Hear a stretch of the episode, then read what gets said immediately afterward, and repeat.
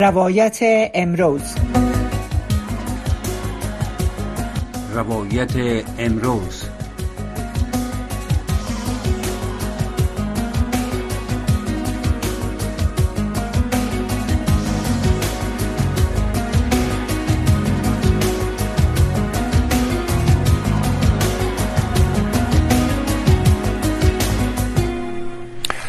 سلام بیننده ها و شنونده های گرامی تلویزیون و رادیو آشنا صدای امریکا.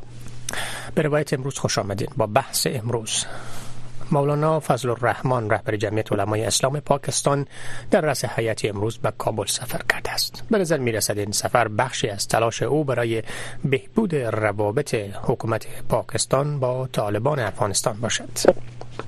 این سفر مولانا فضل الرحمن چقدر می‌تونه در کاهش تنش بین طالبان و افغانستان و پاکستان به خاطر نگران های اسلام آباد از حمایت طالبان افغانستان مؤثر باشد؟ آیا این سفر برای صرف برای همین هدف است یا دلایل دیگری شامل آن است این پرسش ها و سایر سوالات دیگر مرتبط به بحث را با آقای غوث باز تحلیلگر سیاسی و دیپلماتی پیشین افغانستان مطرح می کنیم که از کانادا با ما در تماس هستند آقای با سلام روزتان بخیر. به برنامه خوش آمدید سلام ممنونتان. در ابتدای بحث می‌خوایم ایره مطرح بکنیم که از تحلیل شما این سفر مولانا فضل الرحمن در شرایط فعلی در افغانستان با چه هدفی می‌تونه صورت گرفته باشه و این ملاقات چقدر برای طالبان مهم است و چقدر پاکستان از او می‌خواه سود ببره یا به نفع ببره؟ تشکر.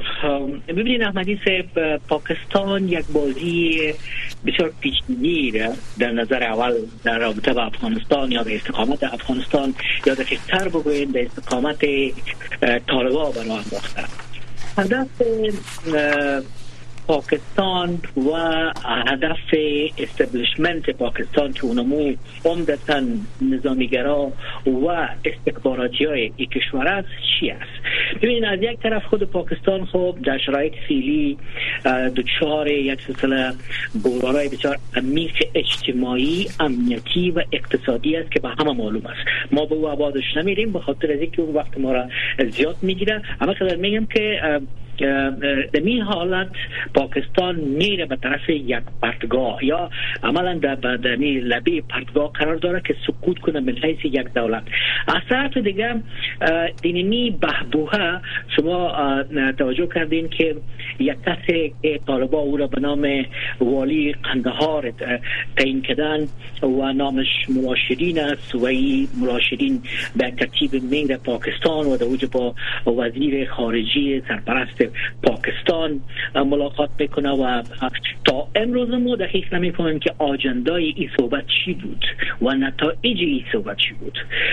از طرف دیگر پاکستان تصمیم می‌گیرم که یک حیات بسیار کلال ما فقط پیش از برنامه شما بعضی ویدیوها را در رسانه ملی می‌دیدم که یک یک قطار از مدرا انیمی ملا فضل الرحمن مشاهد می‌کنن استقبال می‌کنن و رو جای کدام هتل هر جای بعد رقم می‌کنن و انتقال می‌کنن خب برحال ملا فضل الرحمن کی است در یک کلمه جناب احمدی ملا فضل الرحمن جوهر فلسفه وجودی دولت به نام پاکستان است. یعنی چی؟ شما می‌فهمید که بعد از تقسیم هند که پاکستان به وجود آمد این کشور بر مبنای دروغین ساخته شده اسلامیزم به وجود آمد و ملاهای مثل فضل الرحمن و قبل از دیگرا و تقی عثمان و دیگرا که فعلا هم هستن یک عالم. و این کسایی هستند که انمی ایدئولوژی فلسفی وجودی پاکستان سیقل میدن این کسایی هستند که دولت پاکستان به اصطلاح یک مانا میتن در مقابل مخصوصا در مقابل هند و برای بازی های فرا منطقی که همو سناریستایی که این دولت تشکیل دادن در وقت توسط از این کشور باید ایجاد کنن که یکی از سناریوها ایجاد پیوسته و همواره تشنجات فرقی است شما وضعیت شیعه ها را در خود پاکستان مثلا طی ده ها متوجه بودین. شما سرکوب بلوچ ها را دیدین شما سرکوب پشتون ها را دیدین و غیره کسایی که آزادی خواهی کردن. دمی دمی جغرافیای برای پاکستان. از طرف دیگه وقتی که در افغانستان کودتای ثور به وجود آمد یک قطعه طلایی دست پاکستان افتاد که میلیاردها دلار هم پول نقد و هم اسلحه و هم مادیات و دیگه و دیگه جاری شد به به این کشور.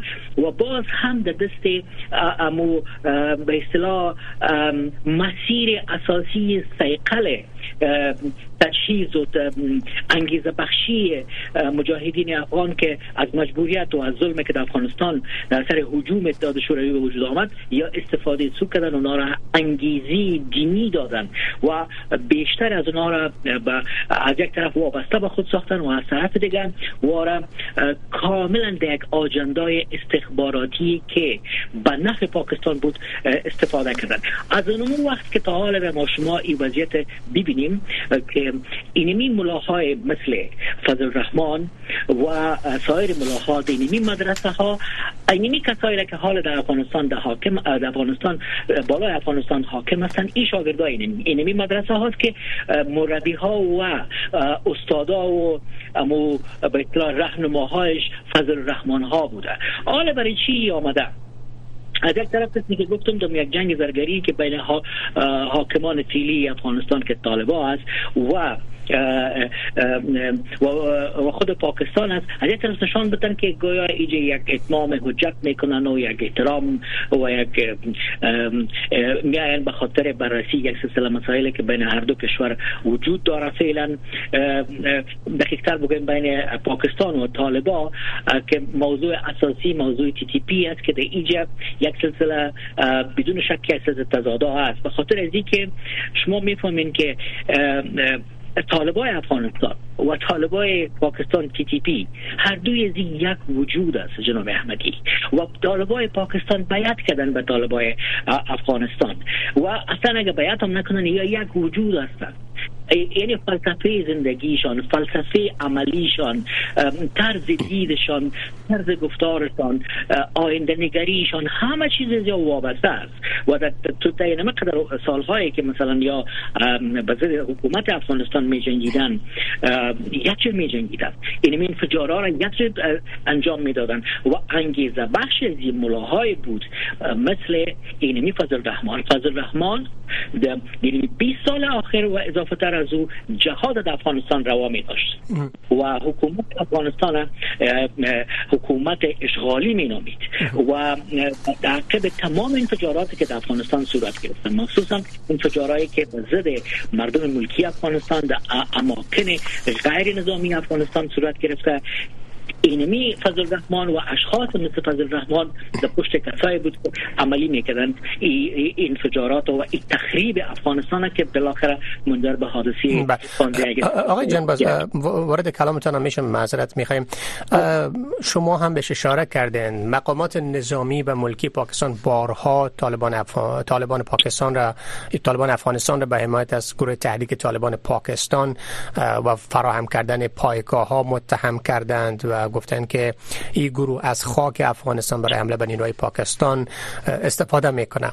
خب به نظرتان وقتی که مولانا فضل الرحمن یک نفوذی که بسیار قوی بر ایجاد یا به عبارت دیگر بر حمایت و دوام طالبان افغانستان داره فکر می‌کنین این مؤثریت را داره تا مانع این حمایت از طالبان پاکستانی شود؟ ببینید جان گپ در کجاست پاکستانی ها جناب احمدی در حقیقت با خود دستگیز و در تضاد قرار گرفتند. یک بخش از استبلیشمنت پاکستان که به وجود نظامی های پاکستان و استخباراتی های پاکستان هم در اشتراک دارند طرفدار طرفدار اینمی طالبای تی تی پی به اصطلاح هستند.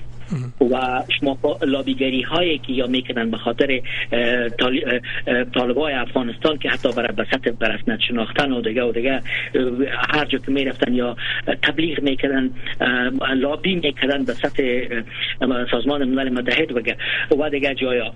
یعنی یک بخش از, از, از, از حاکمیت پاکستان کاملا طرفدار فلسفه تی تی پی او تی تی پی که آل بخش افغانستانش که طالبای افغانستان است و پاکستان است که بیشتر من به شما عرض کردم که یا یک وجود هستن و یک بخش دیگه ای حاکمیت پاکستان به ضد طالبا است و فکر دیگه داره. به یک ترتیب دیگه می‌خواه یا را سرکوب کنه و به طالبای افغانستان هم وقتا فوقتا هشدار میدن حال چی کردن آل استبلشمنت پاکستان اما آخرین توپخانه سقیل خوده عبارت از اینمی آدم باشه که نامش ملا فضل الرحمن است. این توپخانه سقیل روان کرده به افغانستان که در ایجا به اصطلاح جورآمدها را بکنن و تصادفی هم نیست که در طول نقطر زمان این ملا حیبت الله که رئیس به اصطلاح همین گروه طالبا است حال که هیچ کس ملاقات نکرده و به این آدم وعده ملاقات داده. به این معنی که ردی فوقانی طالبا که کاملا وابسته به پاکستان و به استبلشمنت از است یک هزار وابستگی در وجود داره. طبیعتا که یک ملاقات صورت می‌گیره و به اصطلاح یک سلسله جور آمدها صورت می‌گیره. ما مذاکرات نمی‌دانم به خاطر از که یا مذاکرتی نیستن یا معامله نکته مهم اشاره کردن آقای جان باس به نحو طالبای افغانستان از این وضعیت و تنگنایی که به عبارت دیگر پاکستان قرار گرفته می‌خواد که امتیاز بگیره به نظر شما طالبان افغانستان در این ملاقاتش با مولانا فضل الرحمن چی امتیازاتی می‌گیره؟ فعلا طالبان افغانستان نیازمند مشروعیت در سطح جهانی هست. دوم شاید نیازهای اقتصادی برای دوام حکومتداری خود باشه. مقابله با بحران اقتصادی و بحران بشری که در این کشور وجود داره. فکر می‌کنید که طالبان که خودش پاکستان که خودش در یک بحران حکومت ملکی و حکومتداری هست. یعنی حکومت سیاسی وجود داره. و در این حال با مشکلات بسیار بزرگ اقتصادی مواجه است. چگونه می‌تونه به این امتیاز خواهی هایی که پاکستان احیانا اگر داشته باشه طالبان افغانستان داشته باشه لبک بگویه خب پاکستان لبک گفته نمی‌تونه. پاکستان اجارات سیاسی رو نداره ایرادی سیاسی رو نداره که با با طور یک جانبه به صورت یک دند بسیار می‌خواه. البته ولی نمی‌تونه. جناب احمدی اجارات سیاسی رو نداره. پاکستان که پا طالبا را به حیث حکومت مشروع افغانستان برسیت بشناسه غیر از او کل مسئولیت میره به طرف پاکستان و از پاکستان با سوال خواهد شد که چرا این کار کردی. دیگه ای که قسمی که پیشتر گفتم و قسمت طالب موافق نمی و طالب آل بر طالب از شما همی یکی از اظهارات آخر کسی که نامعلوم به نام زبیورای مجاهد که خدا امو سخنگوی گروه طالبان می نامه شما اگر توجه کرده باشین نظام احمدی او گفت که دیگه ما انتظارم نداریم از جامعه بینولی که ما را به رسمیت نشناسه. به این که دیگه طالب این دیگه نقطه گذاشته می‌فهمه که دیگه کسی یار به رسمیت نشناسه با این با این طرز برخورد و طرز روش و طرز فکر و جنبی منحط extremist ی زن ستیزانه سلب آزادی بشر حقوق بشر عدم مش... کسب مشروعیت از مردم افغانستان به این به این اصول یا کسی به رسمیت نشناسه و طالب این قبول کرده. حاله. حال هست گپ چی است گپ که همین توپخانه ثقیل که ما به می نامم ملا فضل الرحمن می نامم ایره که روان کردن که به اونمو narrative بونمو راهکار عنعنوی جناب احمدی که او اسلام است و این آدم با گویا نماینده جماعت اسلامی است در پاکستان و این شاگردایش است پاکستان با اینمی هیلگری خود. اینمی آدم روان کرده داده ای به این قسمت جورامت های لاقل تکتیکی صورت بگیره که به نحو طالبای افغانستان از طالبای به پاکستان که یا یک وجود هستن به ترتیب فاصله بگیره. لاقل یک وعده داده شا یک چراغ سر خب شما همین جرامتی که بهش اشاره می‌کنین اگر به صورت واضح تر بگین پاکستان در چنته در وضعیت فعلی چه داره که با طالبای افغانستان به جدای از او مسئله مشروعیت که شما برش گفتین. حالا طالبا معیوز شدن و پاکستان هم نمی‌خوای ریسک بپذیره. پس دیگر چی امتیاز طالبان می‌تونه بگیره و پاکستان؟ چی امتیاز رو می‌تونه به طالبا برای این معامله یا در واقع به اصطلاح گیر و گرفت داشته باشه؟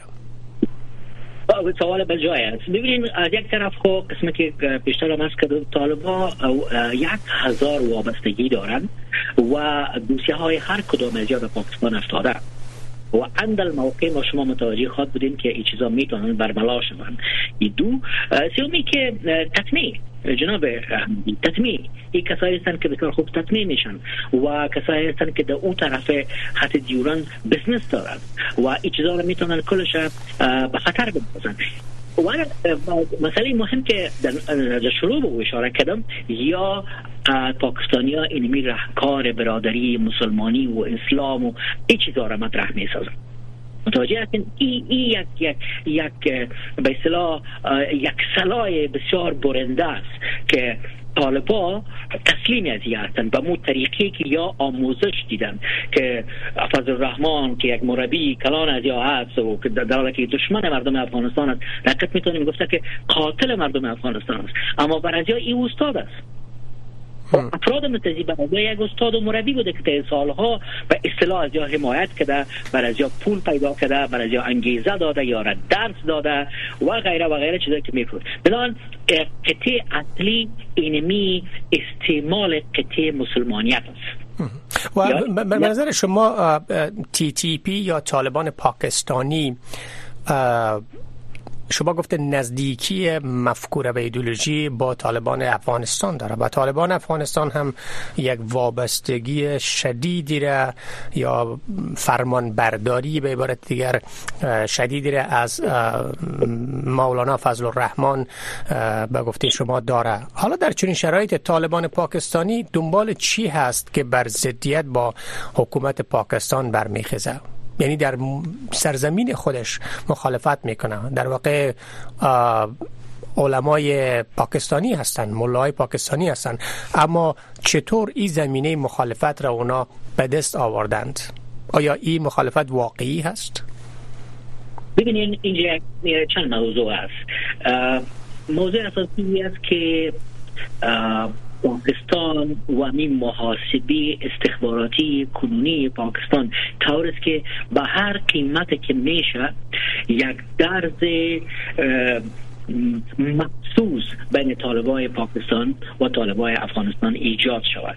از این اتحاد بسیار شدید ایدئولوژیک از یا باید در ترتیب جلوگیری صورت بگیرد البته اتحاد وجود داره این بسیار مشکل است که یا بتانن بزداین یا بسکلانن به خاطر اینکه مفکوری از یا یا کسایی هستند که در یک جبهه جنگ کردن سلا گرفتن کشتن خراب کردن و بر از یا به می ترتیب گفته شده که شما یکی هستین و یک انگیزه و به خاطر یک آرمان می جنگید اما در عین حال دور از امکان نیست که با هیلگیری هایی که داره پاکستان و با ابزاری که و شمول دستوری ساختن مدل ساختن و بگیر و نمان یک در زیره یک به اتفاق لاقل ای, کوشش و ای تلاش صورت خواهد گرفت که یک بخش از از طالبای پاکستان مثلا منزوی شود در جنگ خود و طالبای افغانستان از حمایت از او دست بکشه. گرچه این کار بسیار مشکل است. دومی که در, خود پاکستان حال تی تی پی به حد است شما حتما در رسانه های دست جمعی و دیگه تشکیلات از دیدیم که چقدر یا منظم پیش میرن و وضعیت حاکم در خود پاکستان سرکوبی پشتون ها سرکوبی بلوچ ها سرکوبی هزاره ها یعنی شیعه ها در, در کل و سندی ها و خامت گراییدن وضعیت اقتصادی اجتماعی. یعنی کشور هم در حال سکلیدن است. و این چیز که تیز که بسیار موثر است در کی در دست تی تی پی یا تحریک طالبان پاکستان. در اینجا آل امریکا کوشش می‌کنه که طالبان را به یک ترتیب وسیله قرار بده یا به حساب میانجیگر قرار بده که در اوج از ایجاد تشنج هرچه بیشتر در شدت بیشتر یا لاقل خودداری بکنن او را کاهش بدن یا خوب اگر در کل توقف کنن. لیکن این کار نمیشه. به خاطر که حال وضعیت پاکستان تقریبا از کنترل بر آمده و قسمی که در شروع هم خدمت شما عرض کردم در درون خود حاکمیت نظامی امنیتی پاکستان یک دستگی وجود نداره بسیار خب یک پرسش در مطرح میشه. دلیل این بحران و یا نابسامانی سیاسی در پاکستان چی هست؟ آیا ربطی می‌گیره به تحولات در افغانستان؟ یعنی خروج نیروهای بین المللی از افغانستان و به قدرت رسیدن طالبان و به تبعش به بحران رسیدن وضعیت سیاسی پاکستان. فعلا در واقع حکومت پاکستان صدر اعظمیش یا همون دولت را اداره می‌کنه زیر نظر یک سرپرست هست و اردو عملا قدرت را به دست داره. البته شما هم اشاره که به قدرت رسیدن یا قدرت گرفتن تی تی پی هم خودش یک آزمون کلانی بر حکومت طالبان شده بر حکومت پاکستان شده. پرسش برمیگردم که آیا با وضعیتی که در افغانستان رخ داده و یا در منطقه رونما شده ربطی می‌گیره به بحرانی شدن وضعیت در پاکستان یا سیاست مداران در پاکستان اشتباهاتی را کردن؟ در, پاک، در پاکستان این جمله آخرتان شروع می‌کنم جناب احمدی دهی بسیار مهم است. پاکستان با بازی هایی که برای انداخت تقریبا چل سال اکتیو حال مقابل یک دیوار بسیار سخت سمنتی قرار گرفته شاید فولادی و سر خود در سر دیوار زده میره حل پیدا کرده نمی‌تونه اجزای این دیوار شد که پاکستان سر خود به او میکوبه و راه حل پیدا کرده نمی‌تونه. مشکلات اقتصادی قبل در پاکستان غرق یک یک بحران شدید اقتصادی است. هر طرف دست بندازه. هر طرف دست که تا پول بر از داره شود. حتی در سفر آخری که لود رسید یا رفتن رفت به امریکا در پالوی ازی که خواست به ترتیب کشور خود در مقابل تروریزم به خطر تروریزم اونجا نشان بده پول خواست از امریکا امریکا که لنیوان به اون نمیده یک مقدار پول به خاطر مهاجرین افغان. اموجا هم ای تجارت که سر مهاجرین افغان و گفت که برای مخی پول بتین که قدر است. در که او مردم خودش تجارت داره کار داره و یک حبی خدا را از سالها نمی‌گرفت خب مشکل اول مشکل اقتصادی است جناب احمدی. یک بحران عمیق اقتصادی. دوم کشورهای منطقه اعتماد خود سر پاکستان و با بازی هایی که کرد در منطقه پاکستان در های اکید با گروه های تروریستی که چپ و راست از کشمیر گرفته تا افغانستان و تا مرکزی و آل به ایران پرتاب که رفت پرتاب که رفت. شما خبر دارین که اعلامیه اخیر مثلا ایران دالبهی است که تاجیکستانی که آمدن داخل ایران شدن از پاکستان داخل ایران ایران شدن. خب و دوم سوم گسست قرارداد اجتماعی در داخل خود پاکستان است. قرارداد بین اقوام. یا خود دولت خود فدراسیون میگن در حالی که یک کشور است که حتی امو یک یک نمونه کوچک علامه کوچک از فدراسیون در کشور دیده شد که یک کشور استبدادی کاملا میلیتاریستی سرکوب گرایانه و توتالیتاریست است.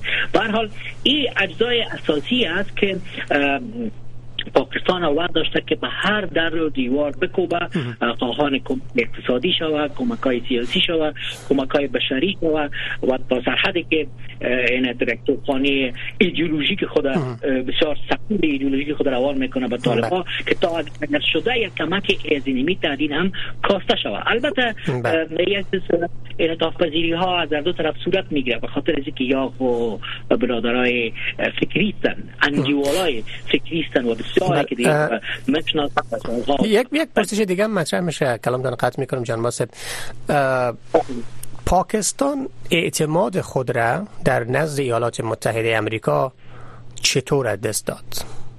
ایالات متحده هم که شما اشاره کردین وقعی نگذاشت اهمیتی نداد به درخواست کمک مالی لوی پاکستان در سفر. فکر می‌کنم بیشتر از یک ماه گذشتهش که داشت. دلیلش چی هست؟ چرا ایالات متحده حالا که پاکستان به این وضع است اعتماد می‌کنه آیا به خاطر که ایالات متحده در افغانستان نیست یا پاکستان اشتباهات را انجام داده که اعتمادی نداره امریکا بر از او. این عدم اعتماد را از کجا به دست آورد؟